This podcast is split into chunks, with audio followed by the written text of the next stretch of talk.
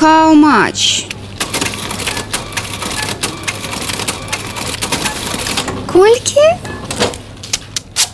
Добрый дзень з вами рубрика хау-матч у якой мы гаворым аб галоўных эканамічных выніках тыдня. У обмен на сяброўства прадаем Китаю калійныя ўгнаенні па коштам нішэй за мировые.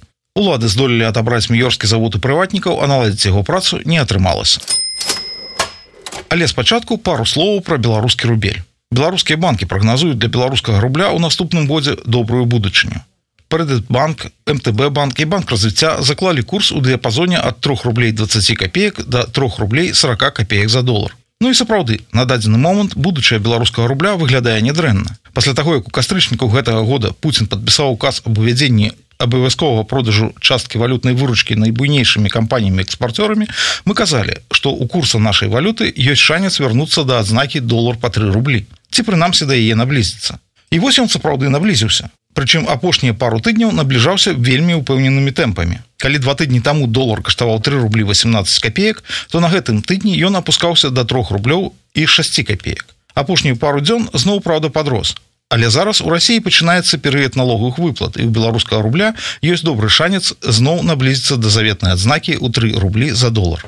Але на жаль, у гэтым дасягненні няма заслуг ні беларускага рубля, ні беларускага нацбанка, ні беларускага ўрада. Усё гэта умацаванне беларускага рубля вынік дзеяння знешніх фактараў. Той самы абавязковай продажы часткі валютнай выручкі расійскімі экспарцёрамі і павышэнне расійскім цэнтрабанкам уліковай стаўкі. Таму нават калі ў бліжэйшы тыдзень долар будзе па 3 рублі, гэты курс не затрымаецца надоўга. Бо нельга лічыць надзейнай валюту, якая цалкам залежыць ад капрызаў чужога фінансавага рынку і чужой эканомікі. Тым больш што акрамя праблему у саюзніка бяспецы беларускага рубля пагражаюць і некаторыя чыста беларускія абставіны. І галоўнае з гэтых абставін стан спраў у знешнім гандлі, якое вось літаральна на вачах пачынае мяняцца ў горшы бок. На гэтым тыдні самы аптымістычны беларускі міністр, міністр эканомікі Александр Чарвякоў быў прызначаны амбасадарам Беларусі ў Кіаі і адразу паабяцаў што ў адносінах з кітаем усё будзе так жа добра як у беларускай эканоміцы вось што сказаў александр чарвякоў пасля свайго прызначэння в этом году мы по экспорту уже уровень достигли порядка 1 миллиард 400 в прошлом году за целый год миллиард 600 и экспорт. Але ёсць один нюанс бо экспорт бывае розны.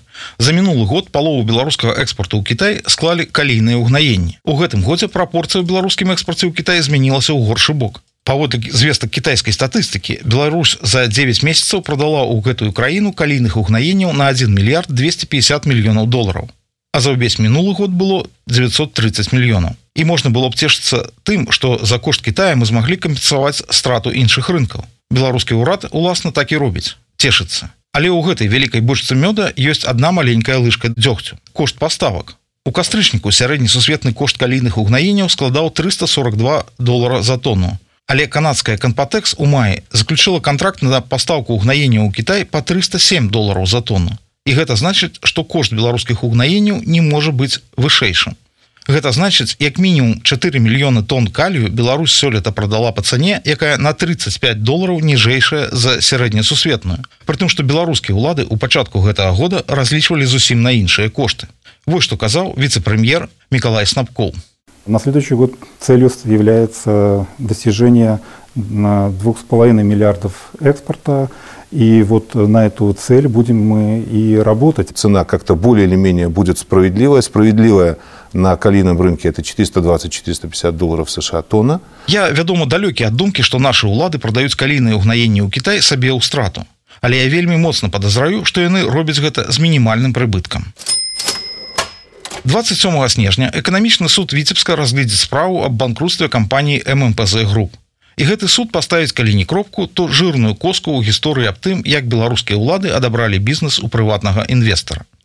ММПЗ груп гэта прыватная кампанія якая за 360 мільёнаў еўра пабудавала ў горадзе міёры металлопракатны завод. За свае 360 мільёнаў і за тыя што яна пазычыла ў банкаў. Ад свайго імя без гаранты ўраду як гэта звычайна робяць дзяржаўныя заводы.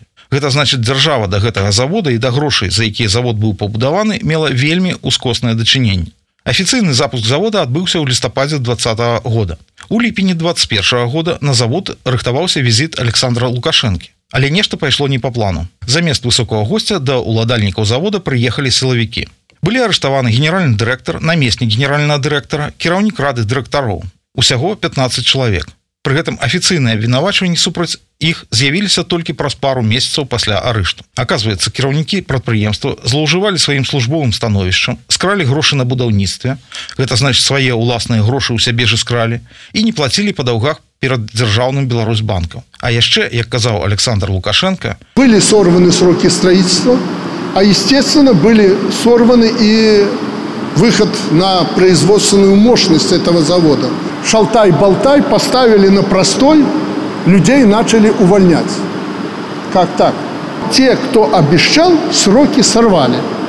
И тогда я начал принципиально заниматься вместе с комитетом госконтроля и другими людьми вопросом, почему остановили производство и начали увольнять людей. пікантнасць сітуацыі ў тым, што парадак падзей насамрэч быў адваротным. Спачатку ў чэрвені 21 года арыштавалі ўладальнікаў завода. Пасля ўжо ў жніўні завод спыніўся. Пасля перастаў плаціць па сваіх пазыках і там пачаліся звальненні, бо плаціць не было каму. Таму адказ на пытанне, чаму спынілі вытворчасць ён вельмі просты, бо арыштавалі уласнікаў. І зрабіла гэта беларуская ўлада.